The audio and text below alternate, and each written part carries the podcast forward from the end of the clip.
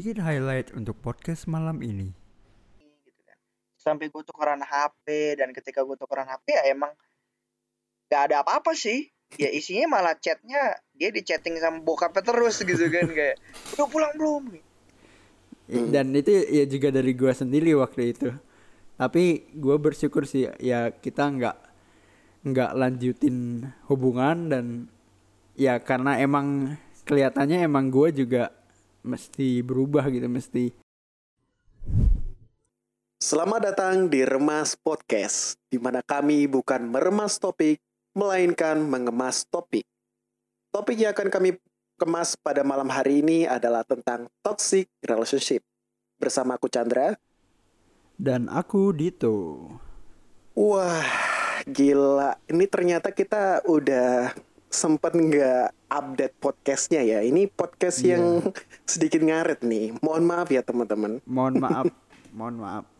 Mohon maaf banget, tapi nggak apa-apa. Kita sudah hmm, udah dapat topik baru dan seperti yang kalian tahu, yang kalian dengar, kalau kita sebenarnya malam ini nggak bareng seng nggak, uh, kita nggak barengan sama Erwin. Karena malam ini kita sebenarnya nggak berdua, kita sebenarnya bertiga. Tapi siapa yang menggantikan Erwin malam ini? Siapa, Siapa tuh? itu? Siapa Ding, ding, tuh? Halo teman kita silahkan memperkenalkan. Halo guys, Weh, makasih Halo. banyak undang gue di podcast kali ini. Gue perkenalkan semuanya, nama gue Joseph Aryono, gue dari Bogor. Halo Joseph. Halo Joseph. Ini panggilnya Joseph nggak apa-apa sih. ya? Atau Aryono ini? Iya, biasanya sih orang manggil gue Bray sih. Oh manggilnya Bray. Oke, Bray, kita bisa manggil Bray, Bray kali ya. Iya kayak kalian bisa, ya, saya enak kalian lah. Biasanya sih Oh. orang ngomong Bray sih. Oke, siap siap. Em, thank you banget udah mau datang dan bikin podcast bareng kita malam ini. Sebenarnya aku nggak apa ya, nggak nyangka aja gitu loh seorang Joseph Aryono ternyata pernah menjalani hubungan yang toksik. Widih, widih, widih. Kenapa kok kok nggak nggak nyangka kenapa emang? Gak nyangka aja kenapa? karena sejauh ini ya memang aku belum begitu kenal banget sama Joseph sih sebenarnya. Cuman kulihat percint apa percintaannya kalau dilihat dari apa ya dari sosial medianya ya kan kayaknya Oh, iya. kayaknya nggak ada toksik toksiknya nggak ada apa ya pokoknya nggak ada aja gitu loh kayaknya lancar lancar lancar-lancar aja, aja gitu ya. kayak- kayak jalan tol gitu casingnya sih kelihatan mulus ya casing ya kan. Ih, gitu ternyata. Tapi sih softwarenya sih udah hancur kayaknya sih. Kebanyakan bajakan ya. Intel Pentium prosesornya. Aduh. Pentium bener Pentium. Bener, bener. Waduh. Hmm. Oke. Jadi sebenarnya aku penasaran nih.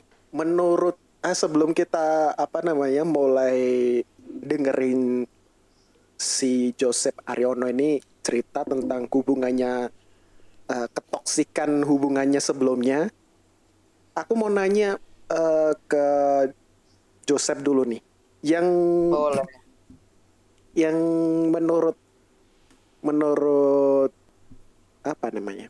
Menurutmu itu toxic itu toxic relationship itu yang kayak gimana sih? Secara singkatnya gitu. Wah.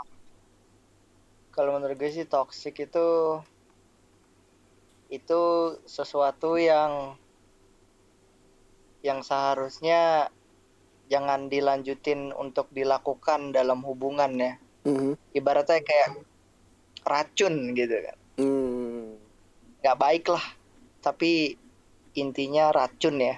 racun itu ya. menurut gue toxic gitu. Oke. Kalau menurutmu apa tuh toxic relationship? Eh, Definisi menurut bagiku ya toxic relationship tuh mungkin bisa dikatakan lain unhealthy rela- relationship. Jadi hubungan yang tidak sehat. Jadi pada intinya tuh hubungannya tidak menguntungkan kedua belah pihak tapi justru Mhm. menjadi kayak apa ya kayak ya kayak bukan hubungan gitu kayak kayak jadinya properti gitu orang pa- eh, pasangan kita bukan jadi pasangan tapi seolah-olah jadi kayak properti dan ya pokoknya gitulah Heeh. Oke, berarti tadi eh, Joseph tadi bilang itu racun, terus Dito bilang itu apa hubungannya nggak sehat ya. Mm. Oke, jadi kita bisa sepakati bersama bahwa hubungan yang toksik ini memang yang ya pasti nggak sehat, yang memang beracun. Tapi yang aku mau sampaikan juga bahwa sebenarnya toxic relationship ini kan nggak cuma terjadi pada hubungan yang cuma kayak pacaran doang. Bahkan kita sering dengar ada yang apa toxic apa namanya parents, ada toxic apa namanya Banyak kayak ya, ya. teman-teman gitu Iya. kan, ada keluarga kayak gitu, Yang umum. banyak macamnya gitu. umum itu ya bener Tapi pada malam hari ini kita mau ngebahas eh, dari sisi yang kita ngubung apa punya hubungan yang pacaran gitu kan. Yuk, Yep. Jadi boleh boleh boleh mm-mm. jadi kita mau langsung dengerin ceritanya Joseph dulu kali ya. Iya. Nanti kita bisa- Udah, langsung aja nih. Eh, eh. Oke, silakan, Bray. Oke. Makasih ya sebelumnya nih ya diberikan kesempatan buat sekedar sharing pemahaman cinta gue asik. Asik. Jadi eh ya menurut gue emang toxic relationship itu bener apa yang dibilang Dito tadi bahwa itu emang tidak sehat. Atau menurut gue itu racun gitu kan. Mm-mm. Jadi ini terjadi dengan gue waktu itu sama mantan gue. Uh. Jadi gue sebut aja lah inisialnya C ya. Mm. Mm. Jadi si C ini sama gue kita itu total menghabiskan jalan bersama itu dua setengah tahun, hampir tiga tahun lah ya. What?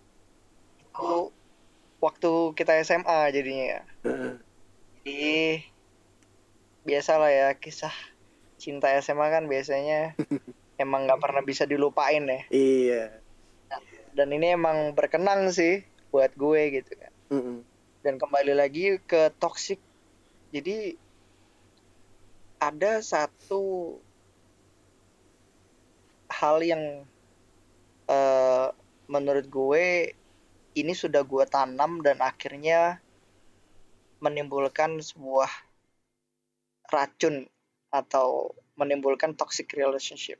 Jadi begini gue tuh orangnya kalau pacaran dulu ya dulu gue tuh orangnya cemburuan banget atau gue tuh orangnya sukanya berpikiran negatif Mm-mm. sebelum hal itu terjadi gitu kan ke pasangan kita dan gue tuh orangnya tuh overprotective Oke. ibaratnya kayak gue tuh cewek mau ngapain aja harus kasih tahu gue kayak dia mau makan mau ngasih tahu gue hilang lima menit aja gue udah pikirannya ke mana-mana gitu kan Hmm. pokoknya gue tuh se overprotective kayak gitu. Nah terus ada kejadian nih. Waktu itu cewek gue tuh jalan sama temennya ya. Si C jalan sama temennya cewek juga. Nah karena gue tuh gue tuh diem diem ngikutin dia jalan bayangin diem diem ngikutin dia jalan. Jadi mereka naik motor. Gue naik motor di belakang mereka. Jadi kayak gue Seriously. tuh spying on them. Seriously. CIA. jadi jadi ibaratnya gue tuh kayak udah benar-benar se overprotective itu dulu. Terus gue ngikutin dia aja. Dia ke mana dia ke mana terus gue udah berpikiran negatif ini pasti bakal ketemu cowok ini pasti dia mau selingkuh atau ini pasti ada cowok nih yang dia kontak nih gini gini. Pokoknya gue udah berpikir jelek lah. Terus akhirnya gue ngelihat dia berhenti. Terus dia ketemu cowok. Terus gue gue di seberang dia. Terus ketika gue di seberang dia gue ngeliat si C sama temennya dia yang cewek ini berhenti terus ketemu cowok. Terus gue udah kayak anjir bener kan? Tuh kan. Gue udah kayak gitu gitu. Terus akhirnya gue nggak tahan karena gue udah ngeliat. Dan akhirnya gue samperin. Hmm. ketika gue samperin tahu nggak yang terjadi apa? Apa? itu yang gue masih inget itu tuh cuma tukang pulsa? Dia tuh- jadi dia tuh dia tuh cuma beli pulsa terus dia juga ambil barang Eh, paket dia seingat gue waktu itu. Terus gue tuh kayak gini jadi gue datang gitu gak atau kayak kayak gimana gitu ya. Kayak gue sebut nama ya, ibaratnya kayak gitu kan atau gue Hmm. sebut nama kayak Dito gitu kan atau Chandra gitu kan. Gue sebut nama kenceng banget deh. Terus ketika gue sebut nama dia nengok gitu kan. Terus, kamu ngapain di sini? gitu dan bla bla bla bla bla gitu kan ya. Mm, terus eh, abis itu ketika gue udah teriak-teriak kayak gitu terus dia kaget gitu. saya udahlah timbul lah. Peperangan. Kayak gitu kan di situ kan. Diliatin orang-orang. Temannya juga ngeliatin gue terus mas-mas yang full saya itu juga ngeliatin gue sama si C ini kan. Terus habis itu gue cabut lah. Gue cabut ya cabut. Terus akhirnya eh gue cuma salah paham. Terus ya udah gue minta maaf. oke jadi ini yang gue tanam ya. Intinya gue tanam tuh overprotective. Gue cemburu. Gue tuh egois gitu ya. Mm, Nah, ini kejadian pertama yang pengen gue ceritain. Kemudian gue pengen ceritain kejadian kedua, mm. yaitu gue pernah tukeran HP sama dia. Bayangin, lu pernah nggak tukeran HP sama cewek lu? Pernah dong. Gue pernah. Oh, Chandra pernah. Maksudnya SMP. tukeran HP itu gimana? Nah, jadi gue tuh tukeran HP tuh untuk memastikan bahwa dia itu tuh nggak ibaratnya kayak ala anak SMA dulu bilang menel atau bisa dibilang ya cari orang Hmm, iya. orang lain lah ibaratnya gitu kan. Iya. Nah, terus habis itu pokoknya ya gue pengen gitu kan, gue pengen pengen menjaga gitu kan karena tujuan gue pacaran dulu tuh ya satu untuk selamanya anjir. Asik. Anjay. gue berusaha kayak gitu kan ya tapi entah kenapa gue tuh ngerasa ketika gue overprotective gue akhirnya lambat laun gue ngerasa kayak kayak gue salah deh se overprotective ini gitu kan. Sampai gue tukeran HP dan ketika gue tukeran HP ya emang gak ada apa-apa sih. Ya isinya malah chatnya dia di chatting sama bokapnya terus gitu kan kayak udah pulang belum? Gitu kan kayak kamu ke mana? Gitu kan kok nggak ngasih tahu papa dan bla bla bla bla gitu kan dan emang ya terbukti gitu kan. Nah dari sini gue menanam kan. Menanam racun tersebut. Karena gue overprotective itu dan gue terlalu jealous dan sebagainya. Nah waktu itu si C ini ya gue ambil aja inisial C gitu kan. Dia itu ya dia fine fine aja walaupun ya dia memang nangis dia kayak marah sama gue tapi dia fine fine aja. Tapi percaya atau enggak itu tertanam juga dalam diri dia. Karena gue udah membiasakan hubungan gue kayak gitu. Sampai ketika gue berusaha untuk untuk berhenti gue nggak gue kayaknya nggak mau cemburu lagi deh. Gue kayaknya nggak mau se overprotective itu deh. Gue gue sebenarnya udah melakukan banyak kesalahan karena gue overprotective dan gue cemburu banget gitu kan. Sebenarnya banyak banget cerita yang gue bisa ceritain. Cuma gue pengen pengen jaga itu eh, dengan baik. Jadi gue ceritain dua hal itu aja karena itu Mm-mm. yang bener-bener kayak kayak wow banget gitu loh dalam hubungan gue waktu itu. Dan akhirnya ketika itu sudah tertanam dan gue udah mulai berusaha untuk nggak cemburuan gue udah nggak overprotective malah ceweknya dong gantian yang overprotective. Dia yang gantian cemburuan. Dia yang egois gitu jadi ada waktu ketika gue itu sibuk sibuk dengan acara gereja gue waktu itu Mm. jadi biasanya tuh gue tuh kalau sama cewek gue tuh setiap Sabtu itu jalan makan gitu kan Mm. malam mingguan lah ya Hmm. Yes.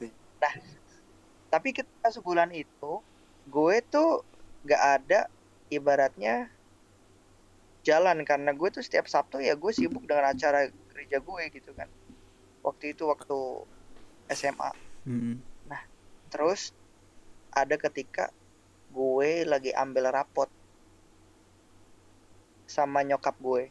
Jadi gue datang sama nyokap gue gue udah ambil rapot terus si C ini dia bilang ke gue Joseph kamu tuh masih sayang sama aku gak sih? Kayak ibaratnya gitu ya. Mm-mm. kapan sih kita jalan? Gitu kan udah lama banget nih nggak jalan gitu kan. Terus gue bilang ya maaf aku pengen kamu ngerti dulu situasinya. Aku tuh lagi sibuk dengan acara gereja gitu gue jelasin lah dan sebagainya. Dia masih kekeh dan akhirnya dia bilang gini ke gue aku nggak mau tahu kamu harus tinggalin ibu kamu. Kamu pergi jalan sekarang sama aku jadi gantian dia yang overprotective gitu. Dia nggak mau gue diambil sama orang lain atau kegiatan gereja gue di saat itu gitu kan. Bayangin dia nyuruh nyokap gue balik sendiri setelah gue rapot. Padahal gue nyetir nyetir motor sama nyokap gue. Gue gonceng. Masa ada anak ninggalin nyokap ya kan? Kan gokil ya kan? Nah akhirnya karena gue ngerasa kayak gue udah salah gue nggak tahu harus ngapain gitu kan. Dia juga udah overprotective. Sebenarnya ada cerita banyak banget yang gue nggak bisa ceritain.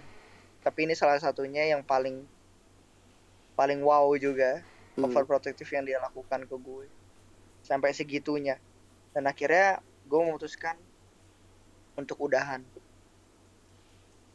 jadi sadly gue udahan sama racunnya udah terlalu besar. Gue udah nggak bisa memperbaiki sebagai laki-laki. Dan walaupun gue waktu itu masih sayang gue akhirnya ya udah. Finish the relationship. Terus hal yang dilakukan oleh si C ini Hmm. ya lagi overprotective. Dia nyamperin gue terus dia WA gue dia ngechat gue lah pokoknya. Dan walaupun dia udah lakukan itu semua ya tetap aja gagal. Karena gue sendiri udah ngerasa ini toxic. Jadi ya ini ini pembelajaran buat gue bahwa apa yang lo tanam dalam hubungan lo itu juga lo tanam ke dalam pasangan lo. Jadi kalian harus berpikir kalau lo tanam yang baik ya pasangan lo akan dapat hasil yang baik.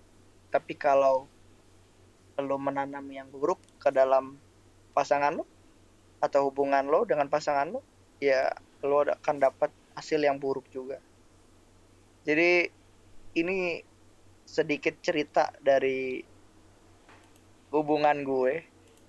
Semoga dari cerita ini ya Chandra, Dito atau siapa pun kalian bisa belajar lah bahwa toxic relationship itu emang ada dan ini salah satunya toxic relationship itu dalam hubungan berpacaran yang udah gue share Hmm.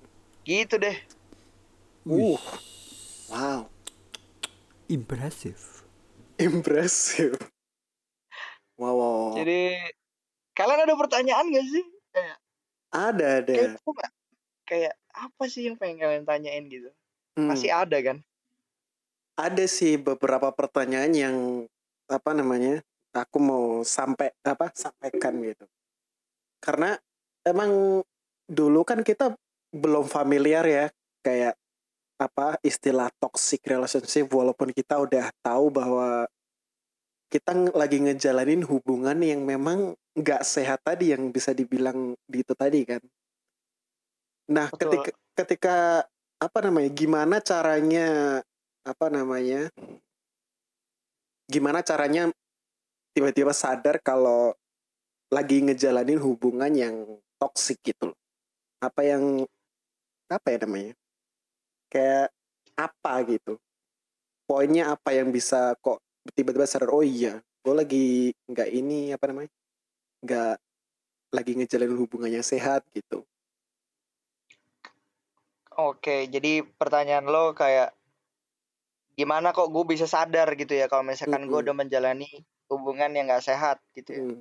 Sebenarnya kita tuh sebagai manusia harusnya ngerti ya kalau misalkan apa yang kita lakukan itu salah atau benar Hmm. terhadap seseorang.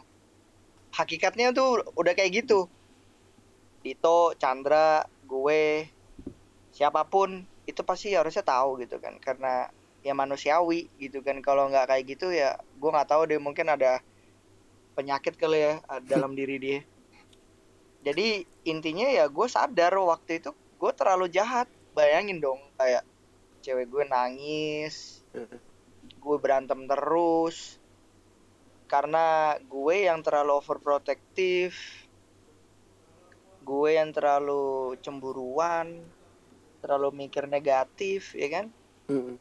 jadi ya itu yang membuat gue sadar akhirnya kayak ya, hubungan ini nggak sehat gitu. Makanya gue berusaha untuk berhenti. Tapi akhirnya udah terlalu jauh udah gue tanam dalam banget ya kan? Mm-mm. dua tahun setengah Iya, iya. susah gitu kan Hmm. gitu Dari Dito ada yang mau tanyain tuh atau ada kesimpulan? Hmm. Kalau ditanyain tuh apa ya? Mungkin pengen tahu aja sih kayak kalau di apa ya? Kayak kadang kan kita Apa? ya tadi tadi kan kita udah membahas kita kadang nggak sadar gitu Hmm. eh, bahwa kita toksik gitu. Nah setelah kita sadar nih, apakah apakah kita bisa membuat itu menjadi baik lagi gitu? Ataukah lebih baik ataukah lebih baik? Hmm, good question. Ataukah lebih baik kita ah apa semisal udah terlalu toksik kita akhiri aja gitu. Kayak pandanganmu gimana tentang itu? Lu nanya gue ya ini ya. kalau menurut gue harusnya bisa. Setoxic relationship apa pun orang itu bisa berubah. Cuma berdasarkan apa yang udah gue alami itu butuh tekad yang luar biasa sih.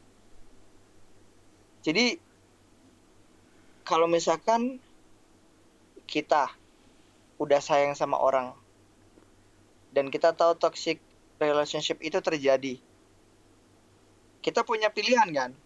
Mm-mm. pilihannya itu ada antara kita membenarkan toxic relationship itu atau kita meninggalkan toxic relationship itu.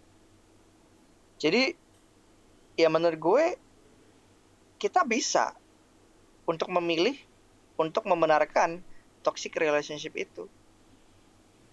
Nah tapi kebanyakan orang mereka tuh kalau udah ngelihat yang jelek yang pahit yang gak enak dalam hubungan itu pasti milih untuk pergi gitu. Kayak mereka udah ah gue pengen cari aja yang lain gitu kan. Atau ah gue pengen cari aja yang lebih manis gitu kan Hmm. hubungannya yang gak setoksik ini gitu kan. Orang tuh pengennya tuh sesuatu yang instan gitu kan. Hmm. tapi berdasarkan apa yang gue udah pelajari sekarang tuh hubungan yang baik healthy relationship itu dibangun bukan dicari. Hmm.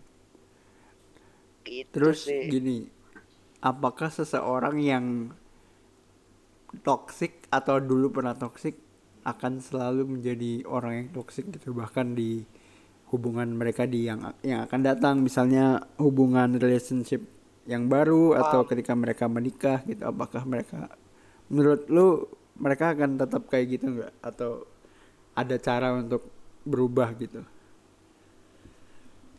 Good question again. Dito ini pinter banget oh ya. iya dong. Jadi gue gue salut sama pertanyaan lo toh jadi pokoknya itu pilihan dari orang tersebut ya. Mm-mm.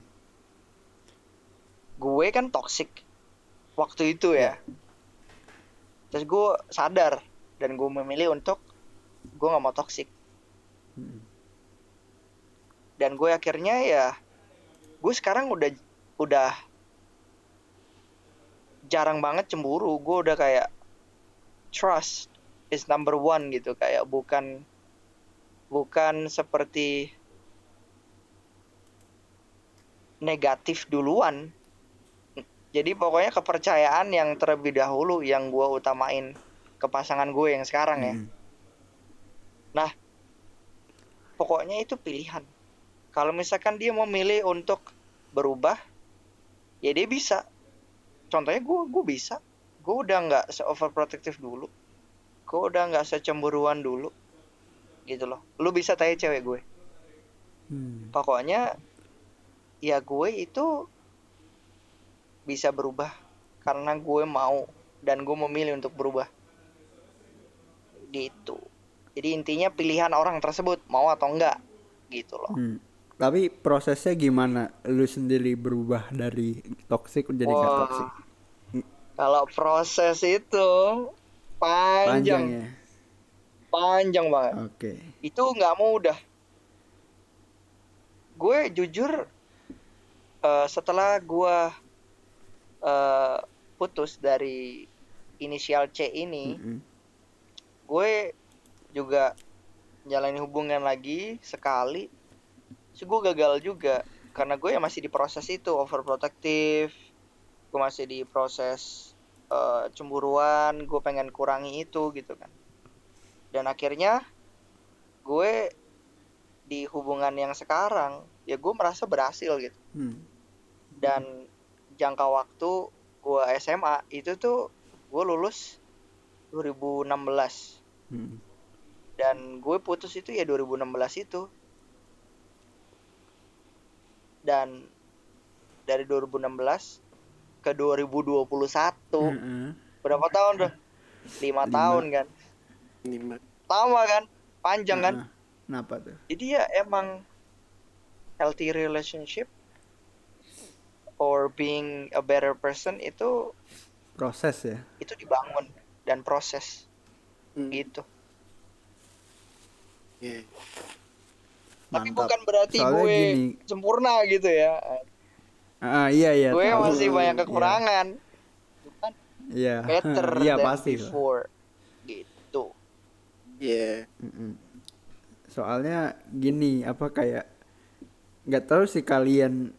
Gua pikir sih tiap orang akan eh, dalam hidup mereka setidaknya akan menjadi toksik se- se- sesedikit pun mereka akan eh, mulai entah mulai dengan toksik atau lama-lama jadi toksik gitu.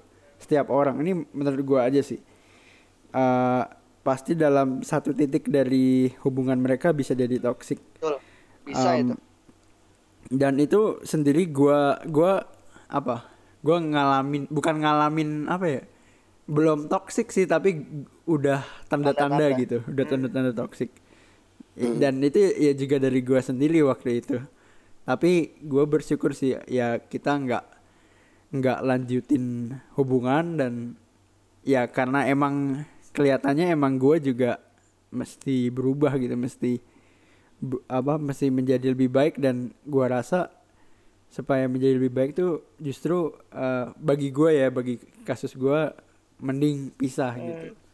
Jadi ya ya bener sih kayak itu proses yang cukup panjang supaya kita bisa menyadari kita toksik dan berubah gitu gua nggak tahu sekarang gua kayak gimana soalnya gua masih single iya kan. iya tapi menurut gue lo asik mungkin sih toh di pacar berikutnya kalau gue jadi cewek eh, cewek gue mau kok Iya. Maho Wah, hati-hati tuh, hati-hati tuh. Joseph besok jadi cewek tuh. Takut tuh. Aduh. Tapi ya apa ya? Emang pada akhirnya kita menyadari bahwa kita mungkin sedang ngejalanin atau kita sudah meninggalkan toxic uh, relationship itu sendiri. Karena semuanya kan memang timbul karena kita memang biasanya ya ada yang uh, karena punya masalah trust issues Iya. tadi atau ada trauma di masa lalu yang mungkin itu ke bawah jadi di hubungan yang dijalani Betul. gitu. Karena kalau kita udah udah percaya banget sama pasangan ya kita nggak bakalan posesif Betul gitu. sekali. Ya cemburu sendiri itu kan normal-normal aja Iya. sebenarnya kan. Tapi ketika kita apa sulit untuk percaya sama pasangan terus kita cemburu ya hasilnya jauh lebih lebih Ya apa gue ya? lah. Lebih banyak gitulah. Soalnya sebenarnya ini aku juga sempet apa ya ngalamin eh, kena toxic juga sebenarnya. Ngerasa kehidupan tuh memang apa ya? Kayak rasanya tuh di penjara, kayak dikengkang gitu loh. Tahu sih? Itu kayak mau salah satu contohnya kalau mau nongkrong sama temen atau mau apa pun lah itu pasti kayak dia nanya lagi di mana gitu ya sama siapa Asik. gitu ada aja selalu kayak gitu padahal nongkrongnya ya sama temen sesama gitu maksudnya sama-sama Iya. cowok gitu tapi curiganya tuh yang terlalu berlebihan kan Oh. makanya jadi terkekang itu tadi Mm-mm. Nah, kita udah dapat dua tadi. Yang tadi tentang cemburu yang berlebihan dan juga yang merasa bahwa kita terlalu terkekang Iya. gitu kan. Ada hal lain yang mungkin apa kita harus tahu bahwa apa hal lain yang jadi indikator kalau kita tuh lagi di hubungan yang toksik itu ada lagi nggak dari kalian berdua? Oke, jadi kalau gue sendiri eh, merasa bahwa toxic relationship itu ya seperti yang di awal ya, itu bisa hubungan sama orang tua, hubungan sama teman, atau hubungan sama pasangan gitu kan. Jadi banyak lah, tapi kembali lagi toxic relationship itu kenapa bisa terjadi gitu loh. Itu Hmm. kan pertanyaan yang penting kan, kenapa sih bisa terjadi? Nah, menurut gue toxic relationship itu terjadi ya karena kita semua butuh belajar. Anjir. Jadi Anjay. ya gimana ya? Setiap orang pasti mengalami toxic relationship kok. Pasti itu. Kemungkinannya, Kemungkinannya ada, ada, ya. entah sama temen yang mencari keuntungan doang misalkan. Itu kan juga Hmm. toxic relationship sama temen kan, kayak gue temenan sama dia kok dia minta keuntungan terus dari gue gitu kan. Sedangkan gue nggak ada keuntungan. Atau Ya. toxic relationship sama bokap misalnya. Bokap gue nggak ada pernah ada waktu buat gue, tapi giliran dia kerjaan dia kerja gitu kan, dia mencintai kerjanya gitu kan, sampai lupa Hmm. sama gue gitu kan, itu kan kayak salah satu toxic relationship juga gitu kan, di antara orang tua Iya. sama anak. Hmm. Jadi ya pokoknya apa pun masalah dalam hubungan toxic relationship itu ya bisa terjadi supaya kita belajar. Yang penting jangan sampai kita lose control ya. Itu kenapa kita butuh temen sih. Kalau gue kan gue kan orangnya sadar ya, sadarnya cepet. Tapi ada orang yang nggak sadarnya cepet gitu. Kalau misalkan mereka tuh udah dalam Hmm. toxic relationship. Nah itu kenapa kita harus eh, dikontrol dengan teman. Jadi ya kayak misalkan Dito, Chandra, kalian pasti kan juga pernah lihat juga kan kayak orang yang mereka nggak tahu kalau misalkan mereka udah melakukan kesalahan gitu kan tanpa eh, dikasih tahu gitu kan. Jadi harus dikasih tahu dulu baru mereka tahu kalau mereka salah. Jadi ya itu sama kayak toxic relationship. Itulah pokoknya.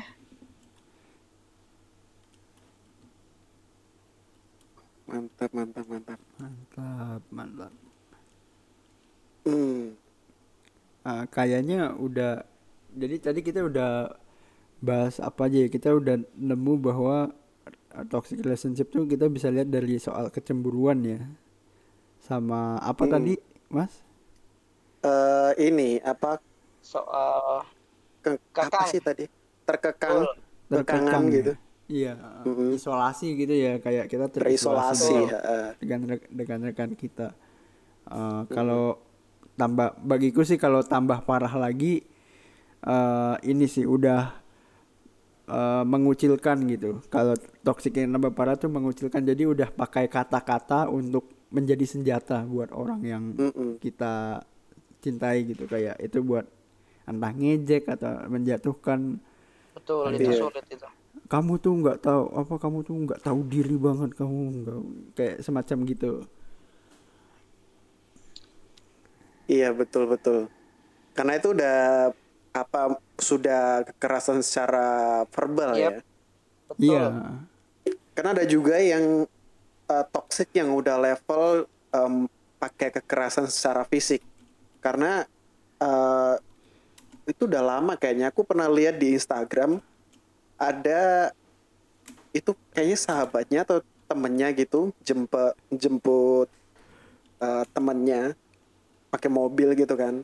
Nah dia tuh bercerita kalau temennya ini dia tuh sebenarnya udah sering banget dipukulin segala macem sama pacarnya. Cuman si ceweknya ini tuh kayak apa ya? Gak mau ninggalin, gak mau menyelesaikan semuanya karena si cowoknya juga ternyata mengancam si ceweknya ini untuk apa ya? Biar tetap stay gitu sama si cowoknya. Dia ancam apa? Menyebarkan foto-foto yang mungkin uh, apa ya sensitif atau mungkin juga apa namanya dia mengancam bahwa dia akan bunuh diri kalau dia ninggalin si cowoknya gitu ada juga yang kayak gitu kan iya ya yang kayak gitu kan udah sakit banget lah yang orang kayak gitu tuh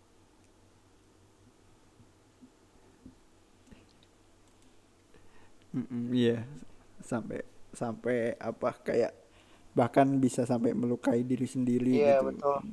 Mm-mm. Dan menurut gue ya toxic relationship itu ya emang udah bagusnya ya bagusnya itu toxic relationship itu udah diketahui orang banyak karena adanya sosial media. Jadi gue bersyukur ada sosial media ini juga membantu orang-orang untuk menghandle situasi seperti ini. Dan pokoknya pesan gue kalau ada sesuatu yang toksik perbaikilah. Jangan ditunda. kalau ditunda hubungan kalian akan penuh dengan racun. Jadi gitulah tuh Chandra. mantap mantap racun Ya. Oke, karena waktunya kayaknya kita udah cukup lama ya, kita ngalor ngidul. Eh, kayaknya kita harus mengakhiri podcast pada malam hari ini. Tapi untuk sebelum diakhiri, aku juga mau apa ya, memberikan sedikit lah sebelum kita mengakhiri podcast pada malam hari ini. Seringkali pelaku eh, toxic relationship kadang tidak sadar bahwa mereka sedang melakukan itu gitu. Tugas kita sebagai pasangan ketika kita udah mulai tahu tanda-tandanya ya kita harusnya berbicara gitu. Bicara berdua dan kita eh, saling memahami bahwa kita harusnya tidak melanjutkan apa yang kita sudah sadari bahwa itu sudah toksik. Jadi pada intinya eh, berbicara untuk saling mendengar dan memahami, bukan mendengar, oh sorry, bukan untuk berbicara untuk memperdebatkan apa yang sudah terjadi atau akan yang akan terjadi. Jadi ketika kita sudah sadar ya kita harus segera cepat-cepat untuk membicarakan itu berdua atau kalau buat teman-teman yang lagi lagi ada di hubungan yang toksik ya segera kalau itu nggak bisa diperbaiki ya segera pergi secepat mungkin sebelum itu malah tambah lebih jauh gitu dan nggak bisa diselesaikan gitu. Betul. Setuju Itu sih. gue. Hmm, mantap, setuju. Dan juga eh, sebagai tambahan juga memang banyak hal yang dapat menjadi identifikasi bahwa sebuah hubungan itu toksik. Tapi itu tidak eh, tidak pernah telat untuk mengubah ketoksikan itu menjadi kesehatan, hubungan yang sehat. Eh, kalian bisa melakukan itu, tapi jika kalian merasa itu bukan yang tepat, itu tidak salah juga untuk uh, mengakhiri hubungan kalian. Uh, itu tergan terserah kepada apa yang kalian uh, sepakati bersama rekan kalian, bersama pasangan kalian. Apakah uh, ini apakah berpisah itu yang terbaik atau apakah kalian bisa menyatukan uh, memperbaiki sebuah masalah yang ada di dalam hubungan kalian. Dan terima kasih semuanya untuk uh, apa karena sudah mendengarkan podcast ini malam ini bersama Mas Joseph. Uh, bagi kalian yang ingin punya bagi kalian yang punya pertanyaan atau ingin cerita tentang hal-hal uh, hubungan kalian, mau hubungan dengan pacar, hubungan dengan teman, dengan orang tua, silakan saja uh, ngobrol sama kami, cerita sama kita-kita nih. Di kalau di Instagram ada di remas.podcast nama akunnya. Dan juga ya kalau mau kirim lewat email juga boleh di remas.bos- remas.podcast@gmail.com. Um, sekian dari kami kelihatannya itu saja. Uh, kalau gitu sampai jumpa di podcast yang akan datang. Oke, thank you so much guys. See ya. Bye.